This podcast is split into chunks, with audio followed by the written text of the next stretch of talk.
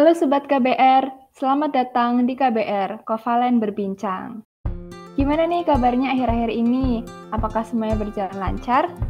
Semoga apa pun yang lagi dilakukan dan diusahakan diberikan kelancaran ya. Sebelumnya perkenalkan, aku Ardelia Tuhayu, mahasiswa pendidikan kimia FKIP UNS Angkatan 2020. Kali ini kita akan membahas seputar Lika-liku Pendidikan di Negeri Orang bersama Mbak Ning Asti. Mbah Ning Asti merupakan alumni dari Pendidikan Kimia FKIP UNS Angkatan 2014. Beliau juga mendapatkan kesempatan untuk berkuliah di Taiwan loh. Nah mungkin nggak perlu lama-lama lagi ya. Langsung aja nih. Halo Mbak Asti. Halo Dela. Halo Mbak. Gimana kabarnya nih Mbak? Alhamdulillah sehat. Alhamdulillah. Semangat banget Mbak kayaknya. iya dong. Dela apa kabar? Alhamdulillah Mbak. Baik. Alhamdulillah. Kalau boleh tahu Mbak, kesibukannya Mbak Asti akhir-akhir ini apa ya Mbak? Untuk kesibukan akhir-akhir ini kebetulan Alhamdulillah disibukkan dengan persiapan untuk pulang ke Indonesia. Nah ini kan masih Masya di Taiwan. Saat ini masih di Taiwan. Terus nah akhir-akhir ini memang persiapan untuk pulang ke Indonesia. Sibuk di situ aja sih. Wah udah Udah berapa lama Mbak kalau boleh tahu nggak pulang ke Indonesia nih? Uh, dua tahun.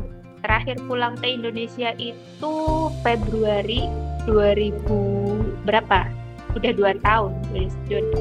2020 Februari 2020. Berarti waktu corona awal-awal itu ya Mbak? Iya, nah, waktu corona baru baru mau masuk Indonesia itu terakhir pun. Udah lama juga ya Mbak dua tahun gitu. Pasti udah kangen banget nih sama Indo.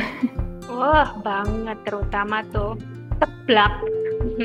Wah, jangan-jangan waktu zaman di UNS dulu suka sukanya jajan seblak ya Mbak? Iya, seblak yang belakang gerbang kampus tuh Barakuda tuh jagoan itu seblaknya. Wah, ini cocok nih abis pulang nanti nyeblak lagi.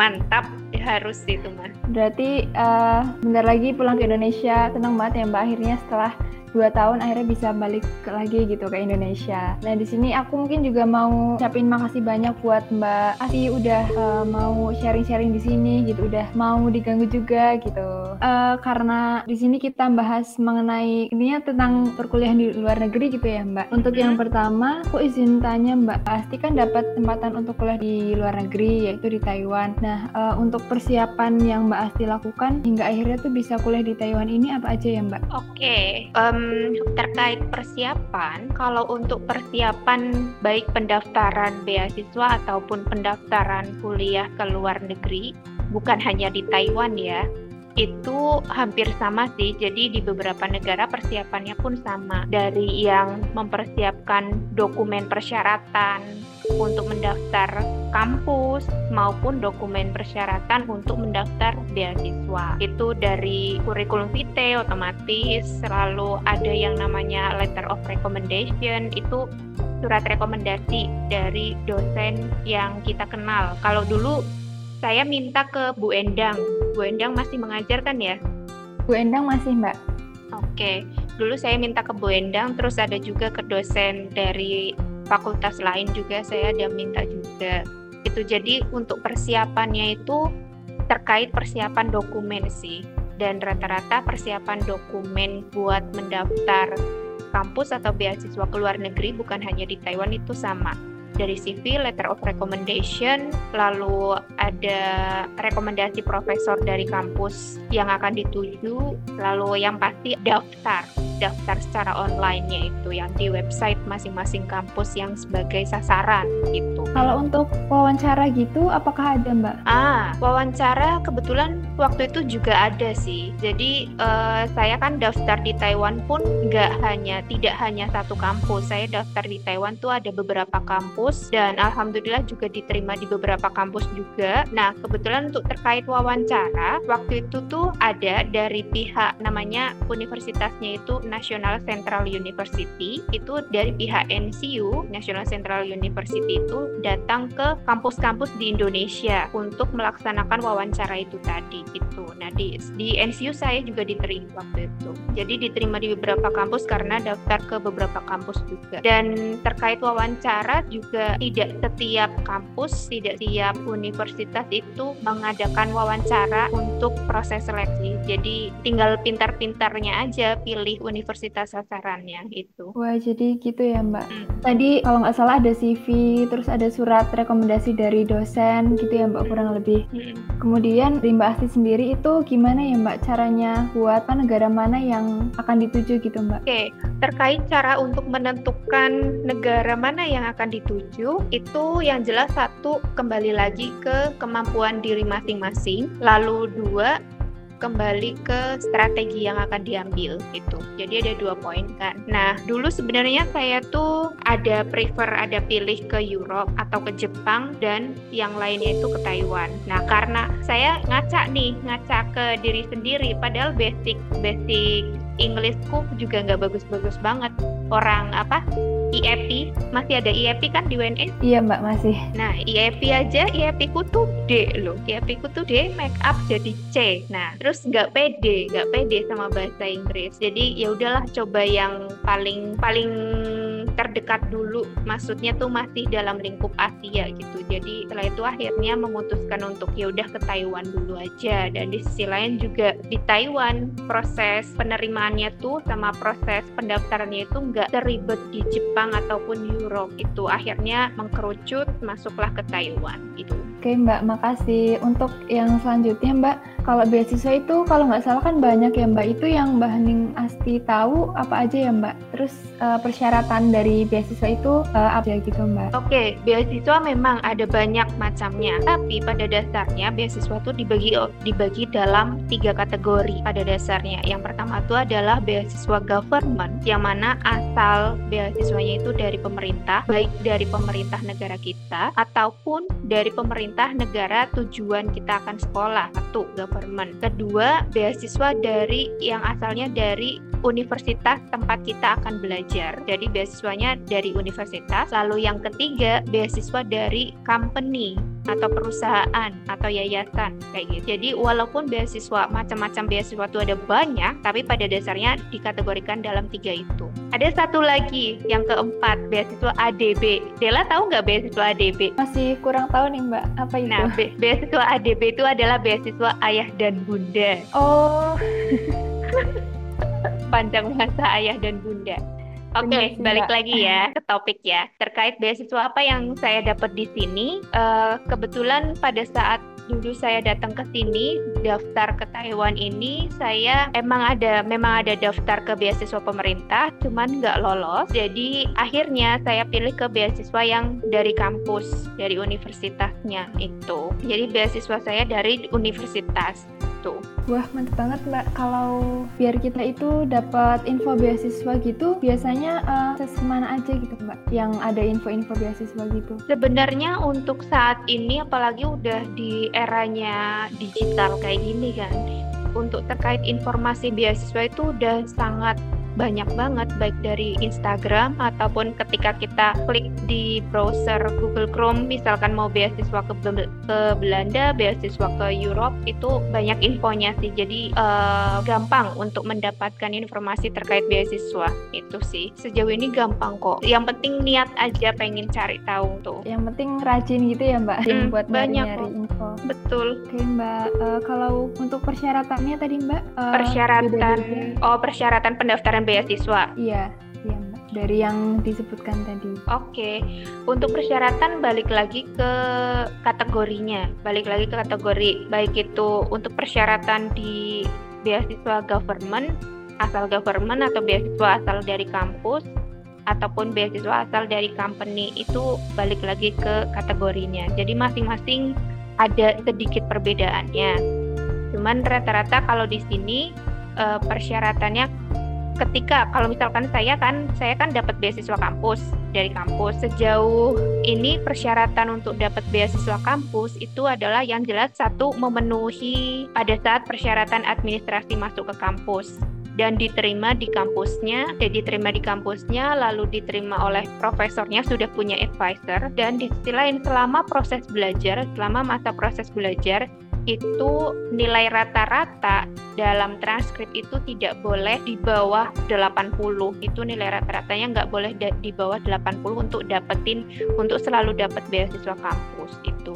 Jadi kalau beasiswa kampus sistemnya itu adalah kayak diperpanjang setiap tahunnya gitu loh. Bisa jadi kalau misalkan tahun pertama memang dapat. Tahun pertama kan e, baru ke, pada saat kita masuk kan kita belum punya nilai rata-rata kan, orang belum belajar kan. Nah, iya, itu mbak. tahun pertama dapat, tapi nanti ketika masuk ke tahun kedua bisa aja nggak dapat karena nilai rata-ratanya nggak sampai 80. Itu itu untuk beasiswa kampus rata-rata kayak gitu sistemnya. Lalu untuk persyaratan administrasi ya kalau misalkan persyaratan administrasi sama sih sejauh ini CV, letter of recommendation, letter of acceptance, letter of recommendation yang tadi udah tak sampaikan kayak rekomendasi dari dosen.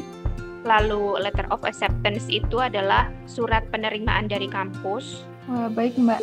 Uh, mungkin dari aku izin tanya juga Mbak untuk yang surat rekomendasi dari dosen itu uh, untuk isi suratnya itu sebenarnya seperti apa ya Mbak? Kalau boleh tahu, apakah harus uh, nanti dicantumkan keaktifan di uh, di perkuliahan atau bagaimana gitu?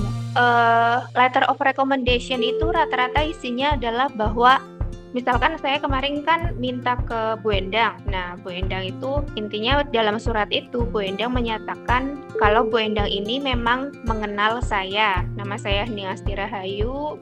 Lalu saya kuliah di bawah bimbingan beliau Terus Bu Endang ini merekomendasikan saya untuk bisa kuliah di Universitas A gitu misalnya. Dikarenakan saya seperti ini, ini, ini, ini kayak gitu. Jadi uh, yang memberikan let yang memberikan letter of recommendation adalah semacam ya dosen yang memang sudah mengenal kita gitu. Misalkan kamu adalah excellent student atau kamu sudah pernah mengikuti international conference di sini atau kamu sudah punya paper publikasi ini kayak gitu. Jadi isinya letter of recommendation kayak gitu. Untuk menunjang, untuk meyakinkan pihak universitas menerima kita gitu. Oh, jadi gitu ya, Mbak. Ini aku jadi lebih tahu juga, Mbak. Kemudian, Mbak, yang selanjutnya aku izin mau tanya, Mbak. Sampai akhirnya dari Mbak Asti itu bisa kuliah di luar negeri, yaitu di Taiwan. Ini kan pasti awalnya ada keinginan gitu ya, Mbak. Nah, kalau boleh tahu itu apa ya, Mbak, yang mendasari uh, Mbak Asti untuk memutuskan kuliah di luar negeri gitu, Mbak? Yang jelas pengen ini sih, open uh, open mind dan memang pengen sesuatu yang beda gitu loh. Pengen keluar pengen sesuatu yang beda. Sebelum ke Taiwan kan saya udah ke Jepang juga dulu. Terus pengen coba-coba karena jiwa coba-coba dan jiwa petualangnya lumayan gede sih wah aku kayaknya belum terlalu paham itu mbak sama kegiatannya. Itu kalau boleh tahu ngapain aja ya mbak? Yang di Jepang tadi kalau di Jepang awal mula yang di Jepang itu kan aku dapat uh, eh, UNS Global Challenge kan. Uh, kalian bisa cari tahu di Instagramnya International Office atau bisa datang ke office International Office di library. Kalau masih di library lantai 4 itu sih. Itu kegiatan kebetulan dari mereka kan dari International Office itu memberikan pendanaan kepada mahasiswa UNS yang ingin keluar negeri dalam kegiatan yang positif entah international conference atau perlombaan atau visiting lab atau internship kayak gitu. Dari UNS akan diberikan pendanaan itu dengan seleksi tentunya ya. Nah kebetulan kemarin yang tak daftarin ya udahlah international conference aja gitu. Punya penelitian ini daftarin aja ke conference kayak gitu. Diterima di konferensinya terus setelah itu tak daftarkan ke UNS Global Challenge lolos jadi di Jepang yaitu conference pada umumnya international conference semacam memaparkan presentasi penelitian yang sudah dilaksanakan kayak gitu aja. Wah itu keren banget loh mbak. Enggak enggak. Jadi insecure. Enggak biasa aja. Jadi tadi yang dasari buat kuliah di luar negeri salah satunya karena pengen menjelajah gitu ya mbak? Ya jiwa petualangnya tuh masih tinggi ya. mumpung masih muda gitu ya mbak? Uh, uh, uh, uh. Banyak banget yang bisa didapat soalnya beda kan dengan di Indonesia dari mindset, dari culture kayak gitu tuh banyak banget yang beda. Jadi bisa memilah-milah gitu. Kalau untuk bahasanya sendiri itu apa ya mbak untuk bahasa pengantar kuliahnya? Oke, untuk kemarin di kan di Taiwan ya. Um, ini sedikit informasi juga buat kalian, buat teman-teman yang memang mau daftar ke Taiwan. Lebih baik ketika mendaftar itu langsung mencari yang jurusannya, departemennya itu internasional. Karena kalau misalkan pada saat mendaftar kok yang dipilih adalah bukan bukan departemen internasional, nanti bahasa pengantarnya ada salah satu mata kuliah yang bahasa pengantarnya adalah bahasa Mandarin. Itu kalau uh, departemennya non internasional. Tapi kalau departemennya internasional, jurusan internasional pasti bahasa pengantarnya semua in English. Nah, kalau di kesku, kasusku kemarin karena memang departemenku tuh nggak fully English, jadi ada satu dua mata kuliah yang bahasa sini, bahasa Mandarin gitu. Wah mantep banget tuh Mbak. Berarti nggak full Mandarin gitu ya Mbak? Ada Inggrisnya? Mm -mm. Iya. Yeah. Oke okay, Mbak. Uh, mungkin selanjutnya Mbak aku izin tanya juga Mbak. Kalau untuk perjalanannya dari Mbak Asti hingga akhirnya uh, bisa kuliah di Taiwan tuh gimana ya Mbak? Mungkin dari awal banget gitu Mbak waktu masih di UNS itu gimana gitu? Dari segi belajarnya atau persiapan yang pribadi Mbak Asti dulu gitu Mbak? Uh, perjalanannya lumayan panjang ya. Jujur aja sih, dan ini juga bisa buat teman-teman referensi juga. Jadi untuk ya untuk teman-teman yang memang berburu beasiswa, berburu beasiswa, aku yakin setiap anak punya pengalaman masing-masing dan punya perjalanan masing-masing ya. Dan rata-rata persiapan kita tuh butuh yang paling nggak tuh satu semester, enam bulan. Kita rata-rata paling nggak tuh butuhnya enam bulan perjalanan dari awal bener-bener cari infonya. Yang paling awal itu kan, awal mula dulu aku tuh ikut seminar. Awal mula dulu aku ikut seminar 2018 atau 2017 gitu. 18 kalau nggak salah. Ikut seminar, nah itu yang mengisi um, dosen UNS juga, beliau dosen teknik mesin. Beliau ngajar di teknik mesin. Beliau itu penerima lebih dari 30 beasiswa luar negeri dan beliau juga backgroundnya sangat, sangat suka untuk memotivasi mahasiswanya untuk dapat beasiswa ke luar negeri. Dan dari situ berawal dari situ sampai seterusnya ikut programnya dari mereka kan namanya rumah beasiswa kan? Namanya rumah beasiswa ikut programnya rumah beasiswa dan pada akhirnya malah jadi mentornya di rumah beasiswa untuk mengajak teman-teman yang memang pengen dapat beasiswa ke luar negeri dan setelah itu akhirnya 2018 kan saya lulus karena aku kan angkatan 2014 kan terus ya udah dapat beasiswa karena udah da, udah tahu triknya, udah tahu cara daftarnya, udah tahu alurnya, jadi berangkatlah. Lumayan berarti persiapan dari 2018, berangkat 2019, satu tahun. Berarti iya ya Mbak, langsung Masya Allah banget. Oke Mbak, uh, mungkin tadi untuk perjalanan dari Mbak Asti gitu ya teman-teman, mungkin bisa mulai dipersiapin buat cari-cari info gitu-gitu. Nah sebelumnya mau tanya juga Mbak, tadi kan uh, ada beberapa kelas yang bahasa Mandarin ya Mbak itu. Oh, untuk persiapan bahasanya apakah mandiri atau ada kelas bahasanya terlebih dahulu Mbak? Nah, kalau di kasusku itu nggak ada nggak ada persiapan bahasa. kalau di kasusku benar-benar yang langsung masuk karena kredit namanya apa ya SKS ya kalau di Indonesia itu SKS SKS-nya itu mengharuskan mengambil mata kuliah itu yang mana mata kuliah itu memang dalam bahasa Mandarin ya mau gimana lagi akhirnya kita ambil. Tapi sebelum masuk ke kelas eh, strateginya adalah sebelum masuk ke kelas bilang kalau saya bilang ke teachernya saya nggak bisa bahasa Mandarin yang benar-benar paham banget nggak bisa. Saya cuma bisa mengerti bahasa Inggris kayak gitu. Terus bilang apakah memungkinkan kalau misalkan saya tetap bisa masuk ke dalam kelas ini? Apakah memungkinkan atau enggak? Kalau teachernya bilang oke okay, itu artinya teachernya nanti bisa ngajarin in English yang sampai pada akhirnya biar aku bisa mengerti gitu. Kalau ada kelas bahasa sebelumnya nggak ada. Di kasusku aku nggak dapat kelas bahasa Jadi mandiri banget ya Mbak? Maksudnya benar-benar belajar autodidak gitu? Iya, iya. Kalau di kelasnya Mbak Asti sendiri itu yang orang asing hanya Mbak Asti atau ada yang lain lagi Mbak? Nah, itu tadi karena kan saya masuk ke departemen yang non internasional. Departemenku tuh nggak internasional. Jadi uh, angkatanku, yang angkatanku saya aku jurusan ini kan organic and polymeric material engineering nah di angkatanku yang anak internasional cuma aku jadi dalam satu kelas anak internasional cuma aku gitu oh tapi Berarti... sisi lain sistemnya sini pun eh, nggak uh, kayak di Indonesia. Sistem pendidikan di Taiwan tuh beda banget kayak di Indonesia, beda banget. Di sisi lain aku juga ngikutin kelas-kelas internasional bareng-bareng bareng sama anak internasional yang lain gitu. Jadi ada yang dalam satu posisi dalam kelas cuma aku sebagai anak internasional tapi di sisi lain juga aku ada suatu kelas yang isinya anak internasional. Oh jadi gitu ya Mbak. Oke Mbak, uh, kalau untuk suka duka dari Mbak Asti sendiri selama kuliah di luar negeri ini gimana ya Mbak? Mungkin yang ada ini kangennya itu loh, kangen sama sebelah, kangen sama mendoan, aduh kangen sama cilok, bakso nggak bisa makan daging aku tuh di sini aduh.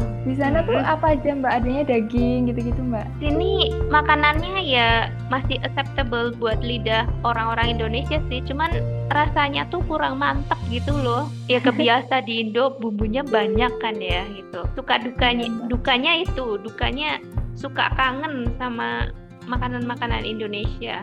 Walaupun di sini ada warung Indonesia ada restoran Indonesia juga ada dukanya itu sih tetap aduh seblak tuh sama sekali belum bisa menemukan namanya seblak di Taiwan tuh nggak ada.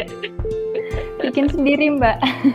Kencur aja mau nyari kencur aja tuh kelilingnya aduh susah banget nggak ada kencur di Taiwan. Walah padahal di Indo tuh gampang banget ya mbak. Uh -uh. warung-warung ada gitu. Iya seblak kan pakai kencur kan? Itu dukanya. Iya wajib Dan, kencur uh -uh, di sisi lain homesick juga ya ampun homesicknya tuh luar biasa karena sampai hitungan tahun nggak pulang kan. Biasanya waktu di Solo kan paling lama tuh dua bulan. Paling lama dua bulan terus pulang rumah. Nah ini mau tiap bulan pulang rumah gila aja Dulu di Solo berarti udah ngekos juga ya Mbak? Kalau iya. asalnya dari mana Mbak? Uh, aku asli Banyumas. Dela tahu Banyumas? Mbak aku Banyumas loh. Oh my god, kita bisa ngomong apa coy? Banyumas saya di? Di itu Mbak, aku dekat Unsut. Oh, wah. Kalau Mbak Afi? Aduh, uh, ke Meranjen. Oh, ke Meranjen. Agak ini ya Mbak, agak jauh sih. Uh, uh, jauh-jauh. Aku bawah, kamu atas. Uh, uh, pantesan tadi ada mendoan-mendoan gitu. Nah, ya. Ternyata. Salam dong. Salam kangen buat mendoan. Aku segera datang Januari. Ayo Mbak, ditunggu. Oke. Okay. Masya Allah. Ternyata. Semoga kapan-kapan bisa ini ya Mbak, bisa ketemu gitu. amin, amin. Itu. Terus duka ada duka juga yang lain, Del. Ini. Duka yang lain adalah di sini tuh uh, karena sistem pendidikan yang sangat beda, profesor profesornya juga beda banget, Del. Waktu dulu aku pernah yang stres banget gara-gara yaitu uh, hawa pendidikan di Taiwan tuh beda jauh sama di Indonesia. Profesornya tuh yang kayak kasih kerjaan tuh tumpuk menumpuk kayak nggak selesai-selesai gitu loh. Misal selesai A, dikasihlah selesai, dikasihlah tugas B. B baru mau selesai, dikasihlah tugas C. Kayak gitu terus. Triknya luar biasa. Tapi di sisi lain ada juga profesor yang baik sih. Dukanya itu juga tuh. Kalau dibandingkan sama yang S1 dulu, itu kalau menurut Mbak Asti, jauh beda gitu ya mbak kalau dari segi tugas? Wah beda banget, beda banget, beda banget. Semua sistem pendidikan sini sama Indonesia pun kita nggak bisa yang bandingkan karena ya itu beda gitu. Wah berarti ini banget ya tugasnya. Soalnya aku yang di sini baru semester 3 aja udah kayak, aduh ini gimana gitu. kalau uh, buat dukanya ada lagi mbak mungkin atau sukanya nih? Dukanya itu sih ya. Kalau sukanya banyak sukanya dapat duit. Wah. Sukanya dapat duit selain dari beasiswa juga kita kan bisa dapat part time work kan atau kerja part time Nah, kerja part time itu juga lumayan banget tuh gajinya karena kursnya currency Taiwan sama Indonesia kan beda jauh kan. Ya nggak jauh sih 500 lah, berkatakan 520 rupiah. Tapi tuh udah lumayan banget. Jadi sukanya tuh banyak duitnya gitu. Wah, Masya Allah. Sama suka jalan-jalan nggak Mbak kalau di Taiwan? Ya, bener banget. Sini pun sangat ramah untuk para pejalan kaki walaupun aku kan tinggal di ibu kota. Ibu kotanya Taiwan tuh Taipei. Nah, di Taipei juga walaupun ibu kota tapi sangat ramah untuk para pejalan kaki, sangat nyaman, banyak banget tamannya, banyak tempat rekreasi, mau ke pantai bisa, mau ke gunung juga ada gitu. Jadi untuk rilis stresnya ada tempat. Wah, Tamannya udah. tuh banyak banget di sini. Oh taman taman kota gitu ya mbak? Uh, uh, taman kota yang bisa gelar tirtar di tengah gitu, terus bisa tiduran uh, kayak gitu tuh banyak banget bersih sambil, juga. Sambil buat belajar gitu ya mbak? mm -mm. Berarti udah ada kayak paket uh, abis kuliah bisa langsung jalan-jalan gitu ya mbak buat buat healing healing. Iya gitu. Oke Mbak, uh, mungkin yang selanjutnya Mbak, gimana sih caranya Mbak Asti biar uh, tetap apa ya, uh, tetap bisa memperoleh prestasi ketika ada di universitas luar negeri Mbak, yang mungkin tadi agak lebih berat gitu ya Mbak dari uh, yang di Indonesia. Yang jelas yaitu satu benar-benar yang menyeimbangkan antara berusaha menyeimbangkan diri, berusaha menyeimbangkan diri antara kesetresannya itu tadi dan kehappiannya.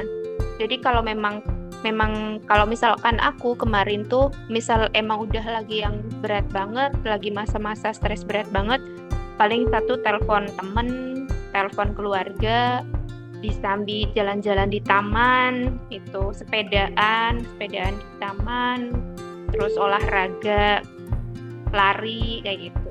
Kalau kalau buat aku gitu sih. Jadi biar seimbang biar nggak fully stressful gitu. Wah, iya ya Mbak, bener banget Mbak.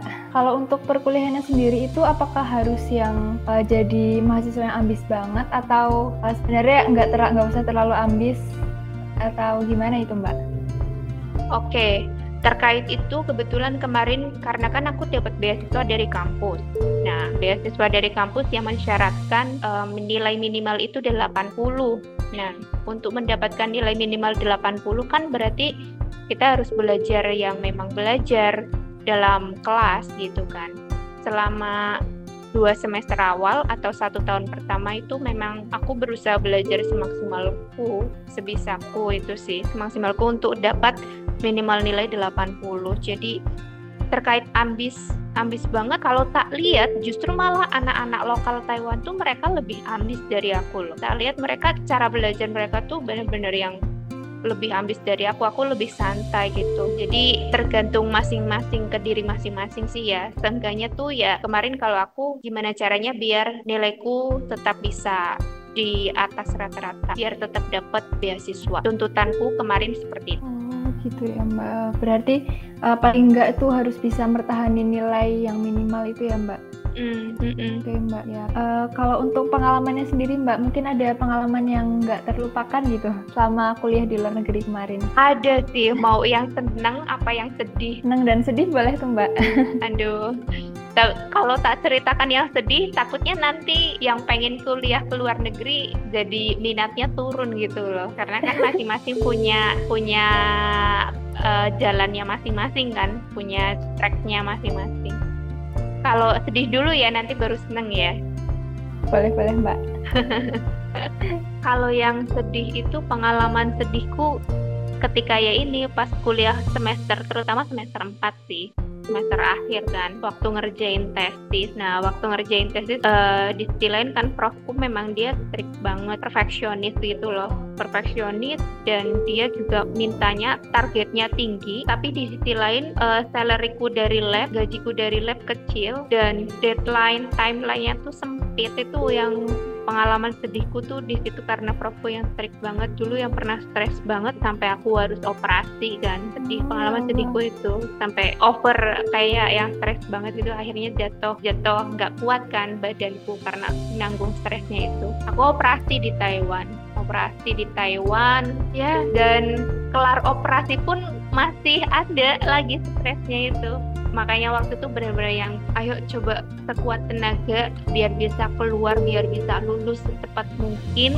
dari lab beliau gitu dari tempat aku belajar. Karena kan semester 4 udah nggak ada kelas kan cuma ada penelitian doang semester 4 terus itu karena jujur sih Dela boleh sharing bentar terkait uh, duka juga di Taiwan itu yeah. mindset mm-hmm. anak-anak Taiwan, anak-anak lokal Taiwan yang pada dasarnya mereka memang juga banyak yang ateis juga, tidak memiliki agama. Di sini tuh terkait bunuh diri tuh udah banyak banget dan suatu hal yang biasa dalam dunia pendidikan seorang mahasiswa ada bunuh diri itu adalah terkadang ada yang memikirkan itu tuh udah biasa di Taiwan tuh udah tiap tahun pasti ada gitu loh. Kalau di Indonesia kan enggak kan? Iya mbak, masih agak tabu gitu. Iya, kalau di Taiwan tuh adalah hal yang biasa ada mahasiswa bunuh diri di dunia pendidikan mahasiswa bunuh diri kayak gitu tuh udah biasa di sini tuh. Jadi pressure tekanannya tuh emang di sini lumayan gede sih. Apalagi untuk mereka yang memang tidak memiliki basic agama gitu. Aku beruntung banget aku datang ke sini dan aku dilahirkan sebagai muslim aku punya pegangan. Kalau enggak ya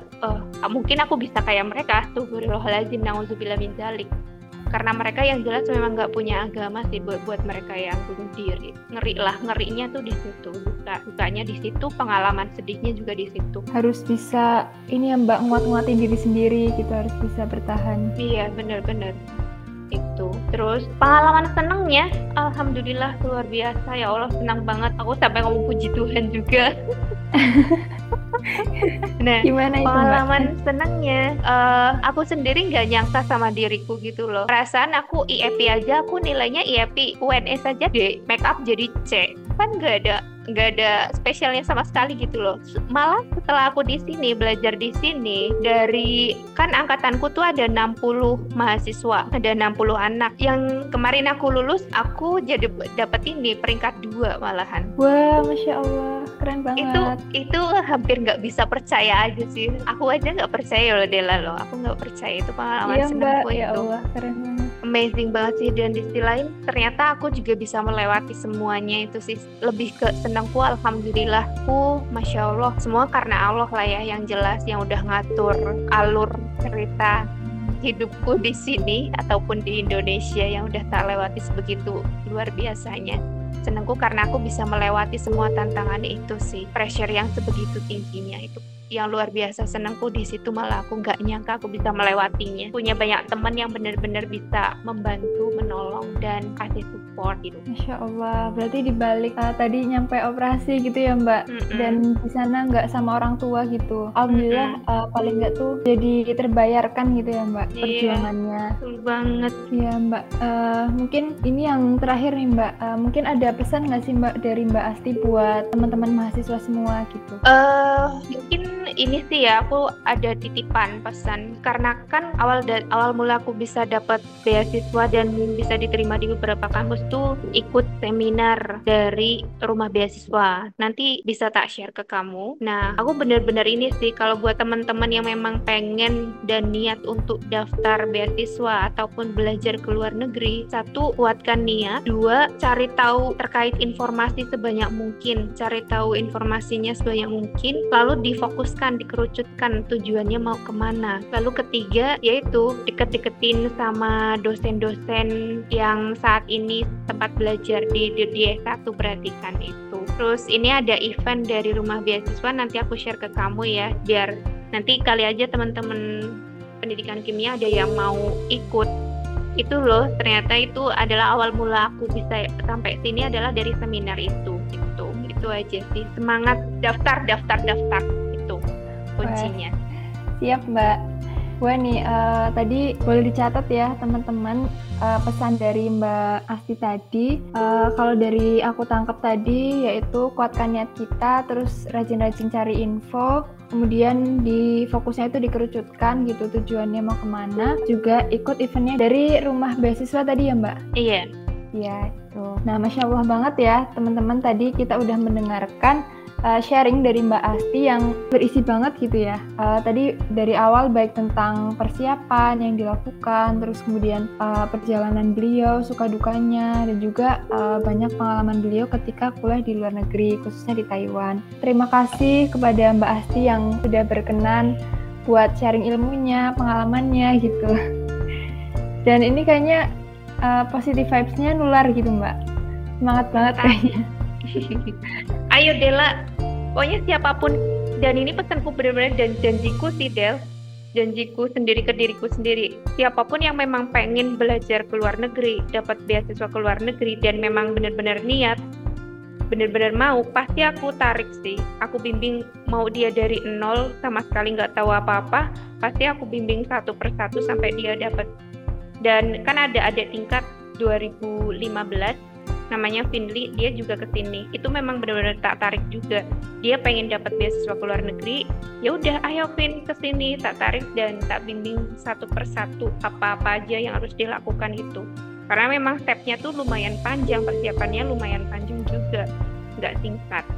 Kalau misalkan memang ada yang mau datang ke sini boleh nanti hubungi aku DM aku Instagramku hening underscore ara. Mbak aku pengen dapat beasiswa ke luar negeri tolong dong kayak gitu boleh. Tapi benar-benar mau nanti benar-benar tak bimbing sampai dapat juga seusahaku sebisaku gitu. Masya Allah ini benar-benar ditawarin langsung sama Mbak Asti.